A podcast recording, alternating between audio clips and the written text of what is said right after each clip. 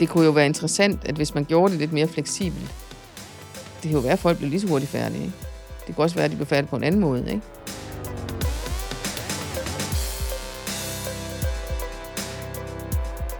Det er vigtigt, at det er sjovt undervejs, og det passer godt ind i. Sådan, hvad er livet ellers byder på?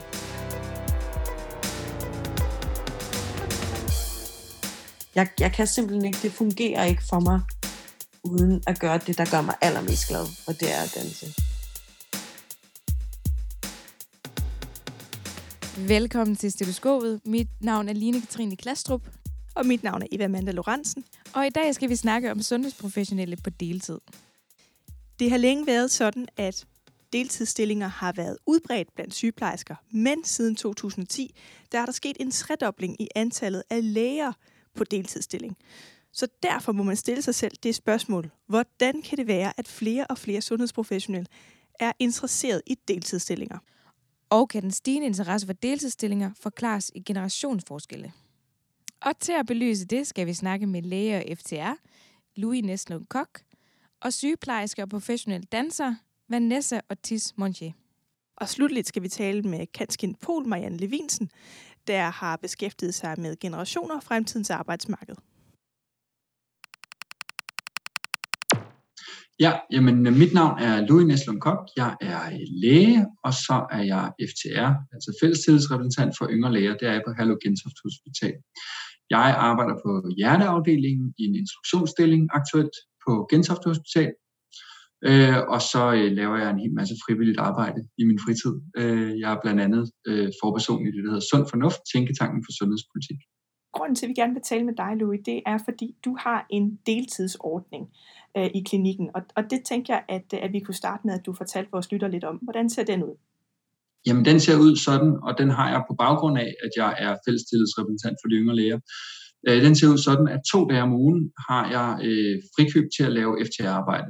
Altså det er to dage om ugen, hvor jeg ikke er i, øh, er i klinikken. Og øh, derudover har jeg et, sådan et, et tillæg på en ekstra dag, svarende til en ekstra dag, hvor jeg ligesom er til rådighed. Og, og hvor længe har, har det set sådan ud for dig? Jamen, det har sådan set set sådan ud, øh, siden jeg startede på Herlev Gentofte Hospital, hvis i maj øh, 2019. Øh, der, fik jeg, øh, der blev jeg valgt som FTR, og øh, der, øh, siden da har jeg haft den aftale. Synes du, at det, øh, det giver mere energi og arbejdsglæde at have øh, to bolde, man ligesom skal, skal have i luften i forbindelse med sit arbejde, eller er det en stressfaktor? For mig giver det rigtig meget mening og rigtig meget energi. Jeg synes, FTR-arbejdet er helt vildt sjovt. Jeg synes, det er, jeg kan godt lide at være sammen med patienter, og jeg kan rigtig godt lide, at man står i den der en-til-en situation, hvor man kan, kan hjælpe et andet menneske og har en meget sådan privilegeret øh, rolle i forhold til dem. Øh, men jeg kan også rigtig godt lide at arbejde på de lidt større øh, linjer, og øh, jeg synes, det er meget heldigt, at jeg, øh, jeg har fået lov til at, at blive valgt til at være den, der ligesom kan varetage mine kollegaers interesse. Fordi når mine kollegaer har det godt, så kan de også gøre deres arbejde endnu bedre. Øh, og du siger, at det efter du fik den her FTR-post, at du, øh, at du fik en deltidsordning. Var det vanskeligt at, at få den, eller var det noget, der skete øh, næsten per automatik? Man kan sige, øh, der lå faktisk en aftale, øh, da jeg tiltrådte, som var den aftale, jeg bare trådte ind i. Øh, og den synes jeg er, er ganske udmærket øh, i forhold til den tid, jeg bruger på det. Der er sådan i omegn af 960 yngre læger øh, på Hallo Gentofte Hospital, som jeg er FTR for, sammen med en kollega. Så vi er altså to, men jeg har, jeg har den meste tid øh, til det, fordi jeg også sidder med i nogle af hospitalets ledelsesudvalg og sådan nogle ting. Øhm, så, så aftalen var der, men jeg blev valgt, og så var der jo ligesom lagt en vagtplan for øh, de kommende par måneder, og der var også lige en sommerferie og sådan noget, så der var det sådan en lille smule vanskeligt, og der var, der var rigtig meget arbejde de første par måneder, men når det først de kunne blive inkorporeret i en vagtplan, så var der ikke noget problem med det. Okay. Øhm, og, og bare lige så vores lytter har en idé om, hvordan din, din hverdag ser ud, hvor mange timer er det, du ender med at bruge på det, øhm, sådan i løbet af en gennemsnitlig uge? Det varierer jo selvfølgelig. Altså, jeg har de to dage, det vil sige to gange syv timer, øh, som, jeg, som jeg bruger på det. De bliver, de bliver rigeligt fyldt ud. Øh, og derudover har jeg så det der rådighedstillæg, og, øh, og det er også på, på syv, syv og en halv time. Og øh, jeg vil sige, der er nogle uger, hvor det langt fra er nok. Der har været noget corona, hvor der var rigtig mange, der skulle snakkes med, og så har der været nogle uger, hvor øh, hvor så har det været lidt mere end det, jeg egentlig øh, har brugt på det. Og over en lang periode, så vil jeg sige, så udjævner det sig meget godt. Øh, så, så det giver mig jo den fleksibilitet, at jeg kan, jeg har to børn, dem kan jeg aflevere, øh, og så kan jeg sidde ved min computer måske kvart over otte, i stedet for at være omklædt på et hospital klokken 8. Øh, og så kan jeg til gengæld måske også øh, være færdig med at arbejde et kvarter senere, eller også så kan jeg sidde mig om aftenen eller i weekenden og lave nogle af de ting, der skal laves. Havde du nogle bekymringer i forhold til at, at få en deltidsstilling i klinikken? Ja, der er vel den sådan oplagte bekymring, om man nu er, er dygtig nok, eller altså det handler jo, det vigtigste er jo, at jeg er der for mine patienter, øh, og de patienter, jeg skal ses med, at jeg er fagligt kompetent til at tage mig godt af dem. Øh, og det er klart, at hvis man er øh, mindre tid i klinikken, øh, jamen så er der mindre tid til at gøre sig fagligt dygtigere. Øhm, på den anden side, så, øh, så har jeg sådan, at når jeg så har noget andet, som også gør mig glad, så øh, er min, min koncentration og min fokus i klinikken måske en lille smule højere for mit vedkommende, end hvad den ellers vil være. Øhm, så på den måde, så synes jeg egentlig, det udjævner sig meget godt, og jeg, jeg gør mig umage med at stadig lære det faglige og kunne det faglige, men jeg er meget opmærksom på, at det skal jeg også kunne. Og jeg ved også godt, at det går en lille smule langsommere for mig, fordi jeg jo kun er der halvt så meget, knap og nap, øh, som mine kollegaer. Så det er klart, at de, de har en lidt hurtigere progression. Men det, det er da helt klart en, en overvejelse, jeg har. Men jeg kan i hvert fald mærke, at de dage, hvor jeg, øh, hvor jeg går i klinikken, der kommer jeg rigtig tit rigtig glad hjem. Altså det, det betyder rigtig meget for mig, at, øh, at jeg også har den der veksling, som vi lige talte om. Øhm, hvor, hvor hvis jeg kun sad på et kontor, så tror jeg vel sådan i længden kom til at kede mig lidt i, i det. Og jeg har også haft ansættelser, hvor jeg kun var i klinikken, hvor jeg også kunne mærke, hold da op, hvis man havde haft mange vagter eller mange arbejdsdage, eller kun lige øh, fri en enkelt tirsdag og så arbejde i weekenden og sådan noget, så blev det sørme også tungt og, og hårdt for mit vedkommende nogle gange. Det er jo ikke fordi, man ikke kan klare det, men, men jeg kan bare rigtig godt lide den der afveksling, hvor man har lidt af det ene og lidt af det andet. Det synes jeg giver noget ekstra energi til begge dele faktisk. Øhm, hvordan påvirker det så relationen til de andre øh, introlærer på, på afdelingen? Jamen, det gør det jo øh, på flere måder. På den ene side kan man sige, jeg er der måske en lille smule mindre, men vi går alle sammen i vagt, og øh, så, er, så har man arbejdet i weekenden, så er man der ikke ugen efter, eller også så har man nattevagt, og så er man der ikke om morgenen. Så på den måde, så, så øh, har jeg måske nogle gange lidt haft en forestilling om, ej, kan de overhovedet huske mig? Men det kan de, og øh, de har, jeg tror, de har det som om, at, at jeg også er der. De ved jo godt, at jeg laver det andet. Og, og man kan sige, på den anden side, så tror jeg også, der er mange kollegaer, der er i hvert fald mange, der kommer og spørger mig, om ting i forhold til overenskomst og rettigheder og arbejdsmiljø og løn og ferie og alle sådan nogle ting, som jeg jo så ved en lille smule mere om, og det tror jeg, der er i hvert fald nogle kollegaer, der udnytter. Jeg håber også, de er glade for de svar, de får af mig. Ser du dig fortsætte på den her ordning øh, ude i fremtiden? Jamen nu er jeg jo i en introstilling, og den udløber jo på et eller andet tidspunkt her til foråret, og så skal jeg jo noget andet. Øh, og faktisk er det min anden introstilling på Hallogentoft Hospital, så jeg er faktisk også aktivt valgt at søge en stilling, hvor jeg kunne fortsætte som FTR. Øh, så det har ligesom været en del af det, men på et eller andet tidspunkt skal jeg jo videre. Jeg skal jo nok også på et andet hospital, øh, og, og dermed kan jeg jo ikke fortsætte som FTR i denne her stilling. Men det faglige arbejde, det har helt klart min interesse, og, og jeg synes, det er en rigtig god model, især øh, for mig, som har små børn og har interessen, at, øh, at jeg får den her fleksibilitet, og jeg får lov til at arbejde med noget, jeg synes er vildt spændende.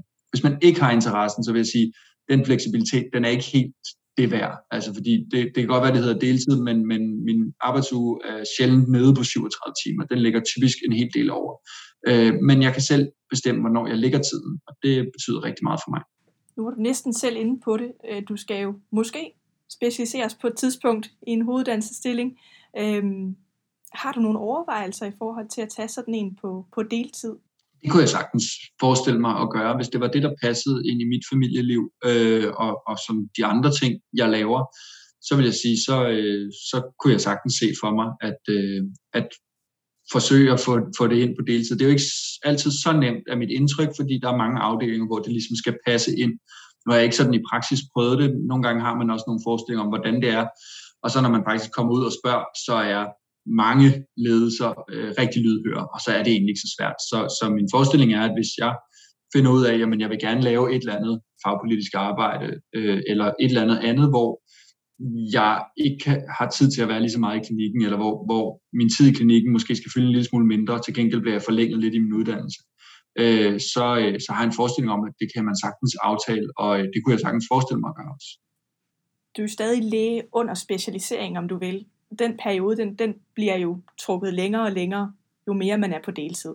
Øhm, har du nogen overvejelser omkring det? Er, er det problematisk for dig? Det har rigtig mange overvejelser omkring. Øh, fordi det betyder selvfølgelig noget. Det betyder noget, når man kan se dem, man øh, læste sammen med, at de øh, er færdige med deres Ph.D., eller de er måske ved at blive speciallæger, eller det ene og det andet. Men øh, jeg tror, for, for mit vedkommende har jeg det også sådan, at jeg skal jo nok være læge i rigtig mange år. Øh, jeg skal nok være læge indtil jeg fylder et eller andet 70 eller sådan noget, og der har jeg lige sådan små 40 år tilbage. Så det der med at skynde mig at blive specialist er måske ikke det mest vigtige. Altså hvis jeg var specialist nu her som 35-årig eller et eller andet om et par år, så, øh, så vil jeg stadig se frem mod 35 år som specialist. Øh, jeg synes egentlig, der er noget meget spændende i at, at kende nogle forskellige øh, dele af lægelivet, og måske også nogle forskellige specialer. Så er jeg heller ikke sådan en, der bare ved, at jeg skal være neurokirurg eller øh, kardiolog eller et eller andet, hvor jeg bare helt, helt målrettet har gået efter det fra start af, og derfor så har jeg sådan haft et behov for at, at kigge mig lidt omkring og prøve lidt forskelligt af. Øhm, og, og det hænger nok meget godt sammen med ikke at nødvendigvis skulle have så travlt. Og om det så tager fem år, eller seks år, eller fire år at blive speciallæge, det er måske heller ikke det væsentligste sådan i det store perspektiv for mit vedkommende. Det er vigtigt, at det er sjovt undervejs, og det passer godt ind i. Sådan, hvad er livet ellers byder på?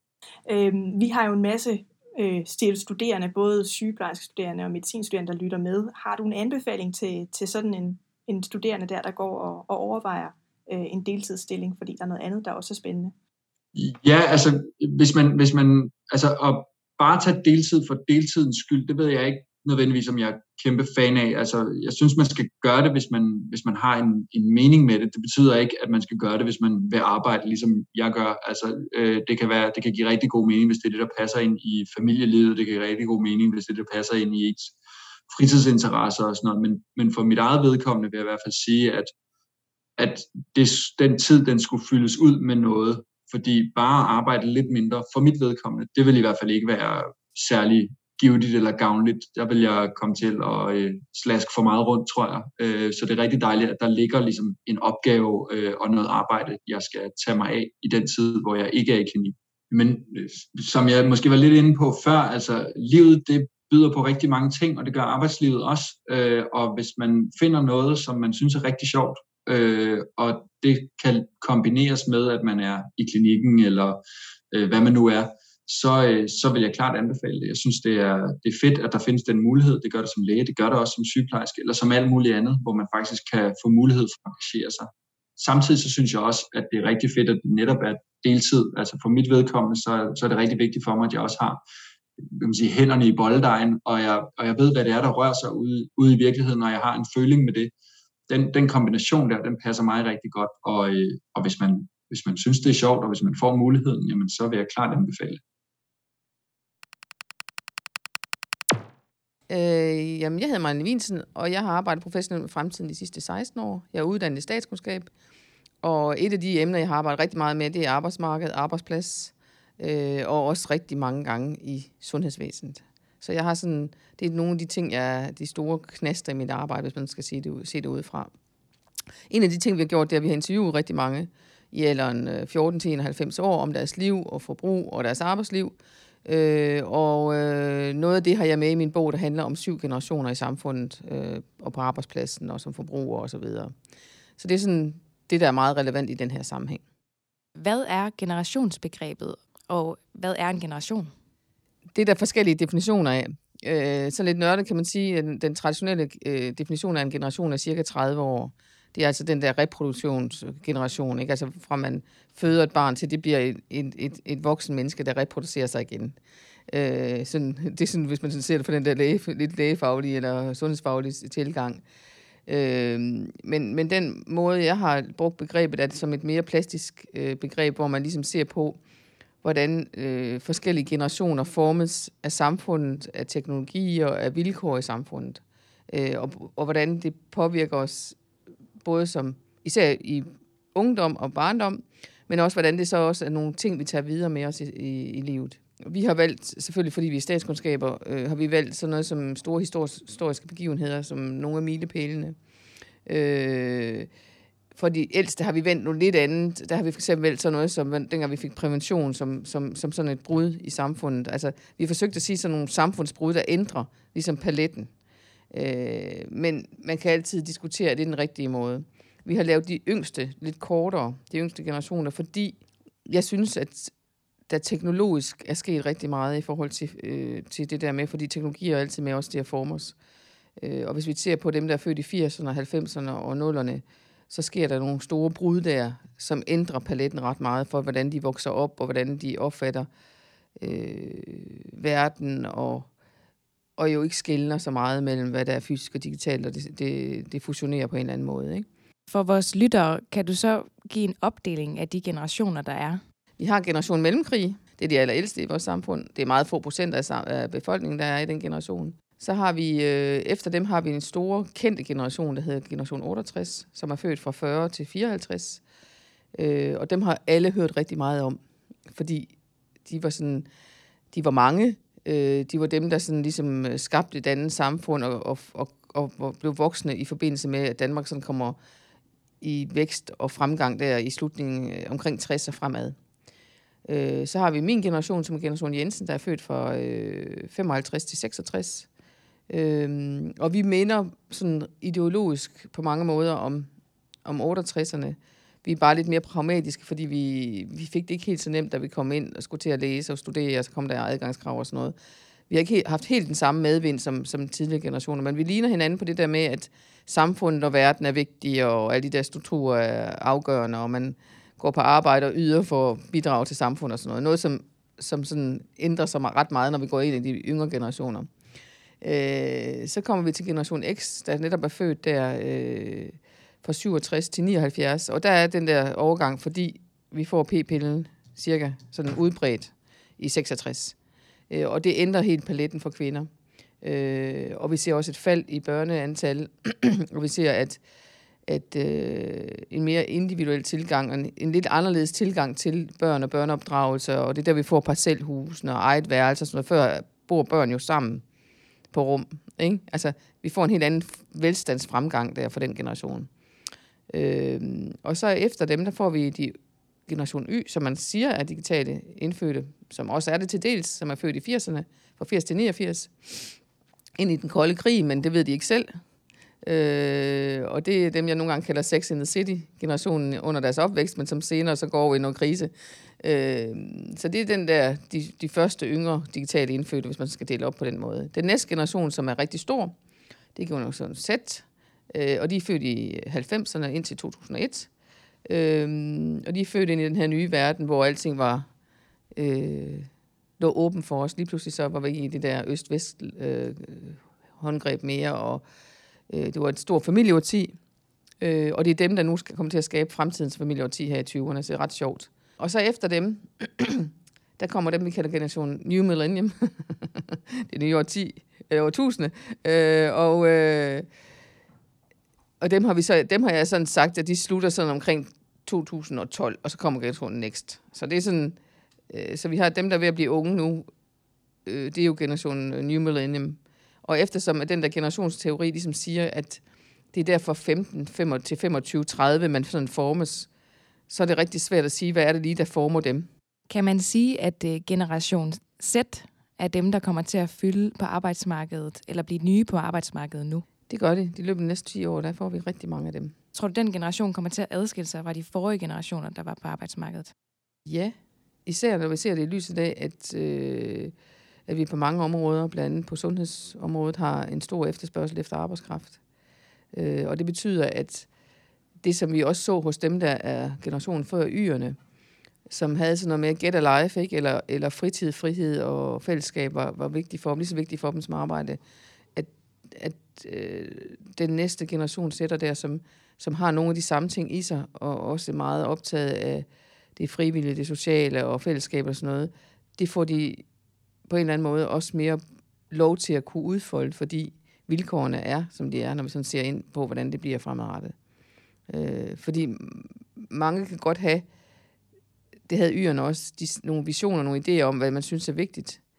Øh, men, men hvis man så for eksempel har svært ved at få arbejde, eller man er på i en, en svær situation som under finanskrisen, så bliver man lidt mere pragmatisk. Jeg vil sige, det bagvedliggende værdisæt med, at arbejde er en af de elementer, der er, der er vigtige i ens liv. Det bærer den kommende generation, der, eller sætterne, det bærer de også i sig, at arbejde er en af de elementer i ens liv, der skal være med til at gøre, at man har et godt liv. Men ikke det eneste. Hvorimod, når man øh, taler om dem, jeg siger, de digitale indvandrere, som er, er øh, generation Jensen og, og, og, og sætterne, og også til dels 68'erne, vi er meget opdraget til, at arbejde er ligesom løn i sig selv, og vi står op for at bidrage til samfundet og sådan noget. Så vi har en noget anderledes tilgang end de yngre generationer. Man skal også huske på, at øh, for hver 10 år, så bliver vi cirka 30 procent rigere. Så det er jo også et helt andet samfund, de lever i. Det er nogle helt andre vilkår, de lever under, end, end tidligere generationer. De er vokset op under en helt anden form for materialisme og muligheder, end, end os, der, der er ældre. Ikke? Hvilke misforståelser kan der så opstå mellem generationerne på arbejdsmarkedet? Der, står, der, der, der opstår nogle gange den misforståelse, at øh, når man ser på dem, der er de yngre på arbejdsmarkedet, så er de i høj grad socialiseret til, at der er en individuel tilgang i skolen og derhjemme. Øh, og de er også øh, socialiseret til at være rimelig åbne omkring øh, deres personlige og faglige udfordringer, og, og måske også deres, øh, det, de er gode til, det, det, det de ikke er så, så gode til, hvad de skal arbejde med. Det har de en helt anden åbenhed, og vand, meget mere vant til at være i spil om, omkring. Øh, og når man så kommer på en arbejdsplads, og er ny, øh, og, og, og, og mange ældre generationer har sådan det der med noget med, noget med hvis det, så længe det går godt, så er det fint. Så kan unge, mange unge mennesker sådan føle, jamen, hvorfor bliver jeg ikke set, eller hvorfor bliver der ikke sagt noget til mig og sådan noget. Øh, Øh, og hvis man så som ung kræver meget det der med at få noget feedback, så er der mange af de ældre, der nogle gange misforstår det der. Fordi de misforstår det som, at de er meget krævende eller meget selvfokuserede. Men, men et ung menneske gør jo i høj grad det, fordi vedkommende gerne vil udvikle sig og være sikker på at gøre det rigtige. Øh, og for os, der er ældre, så er feedback, det var sådan noget, skal ud, man fik af de voksne. Så, så vi, har et, et, vi har et meget anderledes ambivalent forhold til det der med den der individuelle tilgang til, til, til folk. Hvorimod de yngre er opdraget til, at jeg skal selv arbejde med det, jeg skal selv spørge til, øh, hvad jeg er god til, og hvad jeg skal arbejde med, osv. Så, videre. så det er en af misforståelserne. Ikke? Øh, en anden misforståelse kan være, at mange unge i dag, helt op i, i, i 30'erne, er meget usikre. Øh, og, øh, og det tror jeg også nogle gange, det, det fremkalder nogle irritationer øh, blandt de ældre også, fordi den der usikkerhed igen gør jo, at man efterspørger nogen, der ser en og øh, forklarer en og sådan noget. Øh, så derfor så, så opstår der også den, i en travl hverdag på et sygehus, og der kan der også opstå den der situation, hvor man synes, at, at de er krævende, og de er besværlige. Ikke? Ja. Fordi man har ikke tid til hele tiden. Det er jo patienterne, der er vigtigst. Ikke? Ja.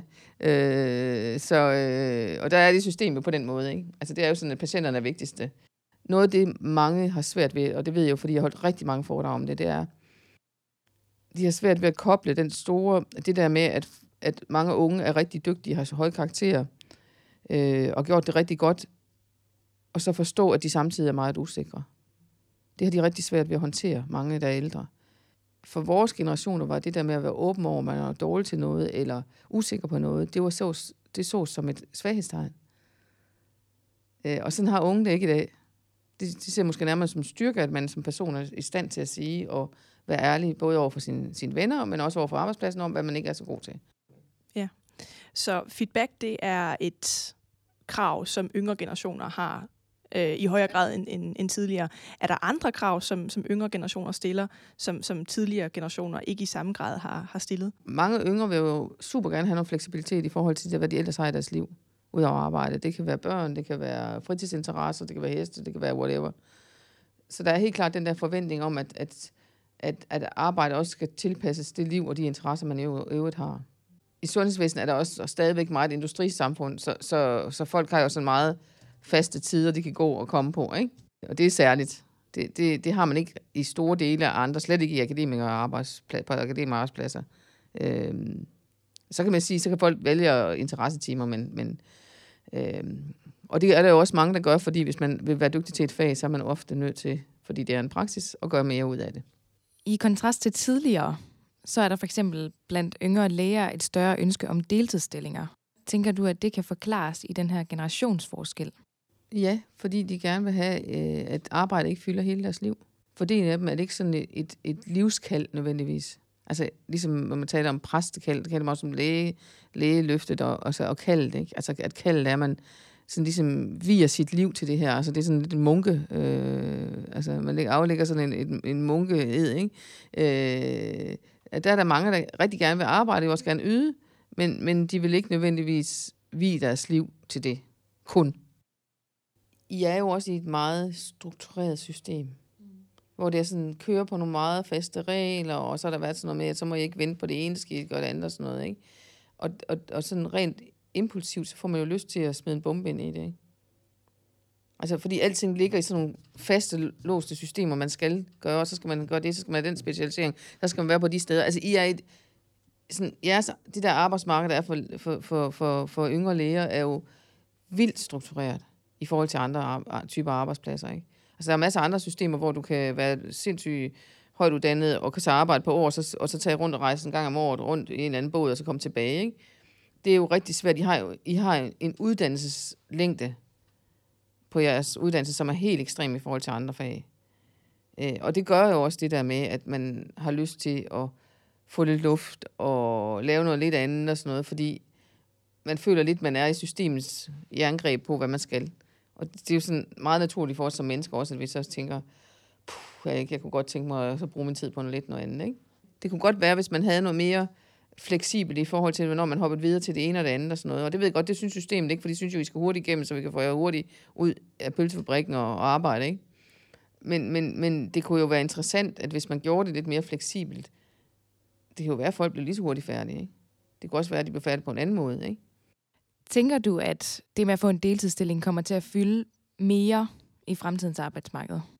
Ja, jeg tror, det, det der kommer til at fylde mere, det er det der med at få en stilling og nogle timer, der passer ind til det liv, man gerne vil leve, hvis det er muligt. Ikke? Så det er et krav, og man kan sige, altså i, i sundhedsvæsenet har man jo, øh, i hvert fald for sygeplejerskers vedkommende, rigtig mange deltidsstillinger. Det der jo er diskussionen nogle gange, det er jo, at, at jamen, systemet har mangel på arbejdskraft, og øh, så er man ikke så glad for folk, de arbejder deltid. Vel? Men, men øh, hvis man ser det fra arbejdstagers side, så er der rigtig mange, der gerne vil, og man kan sige, jamen man har en god løn, og hvis man går lidt ned, så får man lidt mindre i løn, men det gør ikke forskellen, og, og man lever stadigvæk i et samfund, hvor man sagtens skal klare sig for den der deltidsløn. Så øh, det er ligesom om, hvad er vigtigst, penge, eller de sidste penge, eller, eller, eller ens øvrige liv, ikke? Og så er det klart, eller klart, det er ikke klart, men, men der er jo en tendens til, at kvindefag er lige med deltid. Det må man jo ikke sige, men, men sådan er det jo bare. Vi kan jo se, der er mange, meget deltid på pædagogområdet, der er meget deltid på sygeplejerskeområdet, og nu er du også ved at komme ind på, på, på lægeområdet. Ikke? Øh, og det er alle sammen steder, der er rigtig mange kvinder. så sådan, det er sådan, det er. Tænker du det, fordi at familien fylder mere, altså familietid?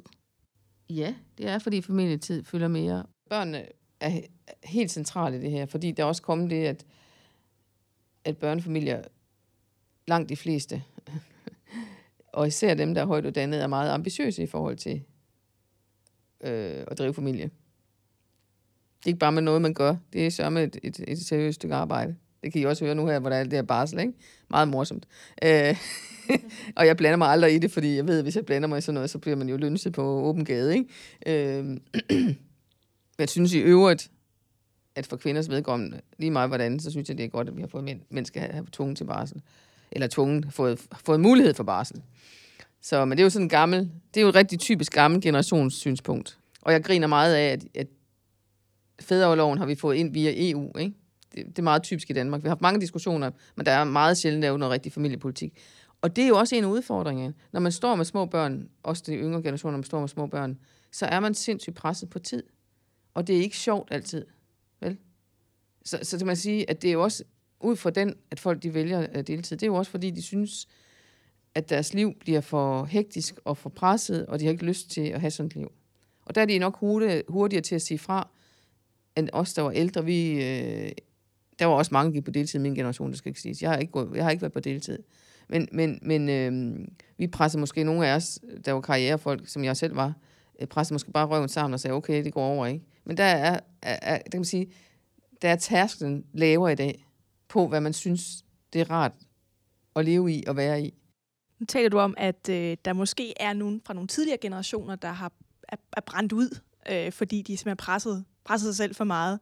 Vi har diskuteret, om, øh, om man, hvis man har en deltidsstilling, måske prøver at rumme for mange ting i sit liv. Altså, at man både har et, noget arbejde i, i klinikken, og så har man et eller andet andet arbejde, og så har man også familieliv, som man også er meget ambitiøs omkring. Øhm, kan man forestille sig et andet scenarie, at det, at man får flere deltidsstillinger, faktisk giver plads til, at man kan brænde mere ud? Ja, det kan man sagtens forestille sig. Hvis det, man laver, når man har et deltidsjob, er noget, der giver energi til jobbet, fordi man får noget andet inspiration og nogle andre relationer og sådan noget, så er det rigtig fedt. Men hvis det, hvis det er en del af det der med, at man har, øh, som du siger, tre-fire søjler, hvor man bare skal performe perfekt, og det er der jo rigtig mange af jer i den der, især lægeverden, der, der alle sammen har gjort det øh, tidligere, ikke? Øh, og, og nå det højeste øh, mål og anerkendelse på alting, så er det rigtig svært. Så kan man faktisk godt sige, at så, kan man, så får man bare tre ting, man skal performe perfekt, i stedet for to ting, ikke? Hvordan ser du så, at arbejdsmarkedet ændrer sig her om 10 år eller endda 50 år? Jamen altså, jeg tror, at, at øh, det med deltid, det med forskellige ordninger og den der mere øh, personlige tilgang til arbejde, den ændrer sig ikke. Det er så et spørgsmål, om systemerne følger med. Øh, og man kan sige, at i jeres tilfælde, altså i, i sundhedsvæsenets tilfælde, har vi jo vi har en lille bitte privat sektor, men resten er offentlig. Øh, og det betyder også, at det er sådan en, en stor supertanker, der skal drejes, og den drejes langsomt. Øh, så hvis man skal se på de der individuelle ordninger og sådan noget, så er de meget mere udbredt på et privat arbejdsmarked. Altså det der sundhedsområde, det vokser helt eksplosivt øh, i Danmark og i hele verden. Og øh, så længe man er i den situation, så er man også nødt til at være imødekommende, for ellers så mister man de folk, der man har. Så det er bedre at have dem 32 timer, end ikke have dem nogen timer. Jeg hedder Vanessa, og jeg er sygeplejerske ude på ortopædkirurgisk på Herlev Hospital, hvor jeg har været der siden februar. Øhm, og samtidig med det, så er jeg også professionel danser, og har været det i rigtig mange år, og har danset siden jeg var 11. Øhm, så det er mange år, øh, hvor jeg så har været rigtig heldig at arbejde med folk som øh, Top Gun og Iris Gold. Øh, skal til at arbejde nu her med Jada. Har lavet teaterproduktioner. Øh, har lige lavet et i Det Kongelige Teater. Jamen, øh, hvordan er det, din deltidsordning ser ud? Øhm, jamen, jeg har faktisk været rigtig, rigtig heldig. Øhm, jeg har fundet en arbejdsplads, som bare mødte mig øh, med åbne arme. så jeg ønskede faktisk allerede ved jobsamtalen, at øh, jeg kun fik dagvagter, fordi jeg trænede om aftenen, øhm, og at jeg øh, var nede på 32 timer ugentligt. Øhm, og det fik jeg med det samme. Der var ikke noget spørgsmål overhovedet. Øh, de synes bare, det var fedt, at jeg lavede noget andet ved siden af.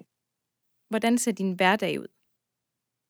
Ja, så arbejder jeg enten mandag, torsdag eller tirsdag til fredag for eksempel. Jeg har altid en dag, hvor jeg ikke lige arbejder, så det spiller ligesom ind.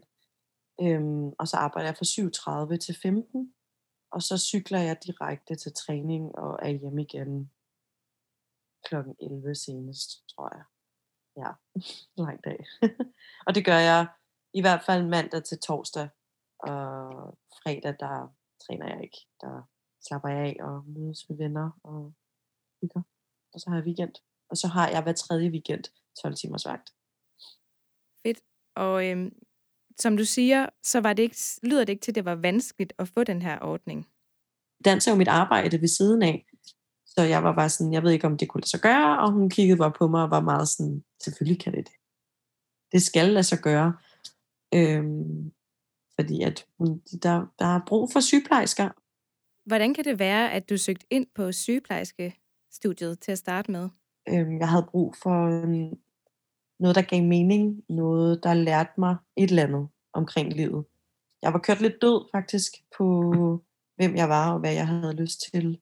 Og, ja, og så arbejdede jeg på et plejehjem ude i Gentofte, ej, beskyttede boliger, det får jeg hele tiden skæld ud for. Beskyttede boliger hedder det. øhm, og så synes jeg bare, så, så var jeg ret god til det, fandt jeg ud af. Sådan, jeg synes det var hyggeligt, og jeg lærte at, at veksle mellem Nørrebro, Vanessa og Vanessa på arbejde, lærte jeg. Øhm, altså i forbindelse med sprog, hvordan man skulle tale. Og øhm, så øh, var der en sygeplejerske der, der bare var så nice. Øhm, hun hed Helene, og hun var bare så god til at forklare, og vi virkelig var god til at lære fra sig, og jeg tror bare, hun, ja, hun gjorde bare et eller andet, så det fangede min opmærksomhed. Øhm, og jeg, jeg kunne bare mærke, at jeg fik virkelig meget ud af at være der personligt. Altså virkelig personlig udvikling. Og så valgte jeg så at søge ind og kom ind. det troede jeg ikke, jeg ville. Jeg tænkte bare, nu prøver jeg. Havde du nogle bekymringer i forbindelse med at vælge en deltidsstilling? Økonomi. Helt klart. Det var, det var det første, jeg tænkte, det var, fuck, så har jeg råd til det her, eller så har jeg råd til det her, og for at gå til dans, der bruger jeg i hvert fald 5.000. Havde du øh, nogle bekymringer i forhold til om det faglige niveau, både i klinikken, men også inden for danseverdenen, øh, kunne blive påvirket af, at du var deltid? Jeg var ikke umiddelbart bekymret for min egen faglige øh, erfaring, eller på den måde. Det synes jeg, jeg er ret god til at, sådan, at, at fange de der moments. Øhm, men jo, jeg vil sige, at det går lidt langsommere for mig. Øhm, der er ting, hvor jeg burde kunne det nu, men stadig stiller spørgsmålstegn ved. Øhm, dansemæssigt tror jeg måske også mere, at jeg bruger mere tid på det nu, end jeg har gjort tidligere, fordi at nu skal jeg ikke hjem og læse, og nu skal jeg ikke hjem og stresse over en eksamen eller noget. Nu skal jeg bare lytte, og nu skal jeg bare øh, kigge, og nu skal jeg bare hjælpe og, og arbejde. Så øh, det, jeg, synes, jeg synes, det går bedre nu, end det gjorde, da det var, jeg var studerende. Ser du dig selv fortsætte på deltid? Ja. Øhm, og jeg tror faktisk, hvis jeg ikke havde min dans, så ville jeg nok stadig være på deltid. Øh, jeg synes, nummering er dårlig. Og øh, jeg skulle smadre efter fire dages arbejde. Altså, det, det, det, jeg synes sgu, det er cool. Altså, at starte ud som 32 timer. Jeg kan slet ikke forstå, at man vil arbejde 37 i det fag. Øhm, men lad mig sige det sådan, jeg tager så mange ekstra vagter i weekenderne, at det er næsten lige før, jeg arbejder 40 timer, måske mere. Øh, men jeg kan også godt lide at være der. Det er også det, der var vigtigt for mig.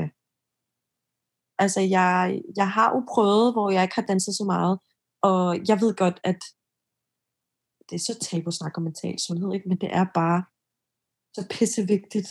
Altså sådan, jeg bliver næsten rørt. men det gør mig bare glad. Altså sådan, jeg kan ikke... Øh, ej, det er virkelig hårdt at sige. Jeg kan bare ikke leve uden at gøre begge dele. Jeg, jeg kan simpelthen ikke, det fungerer ikke for mig, uden at gøre det, der gør mig allermest glad, og det er at danse. Hvordan skaber du en balance imellem de to ting?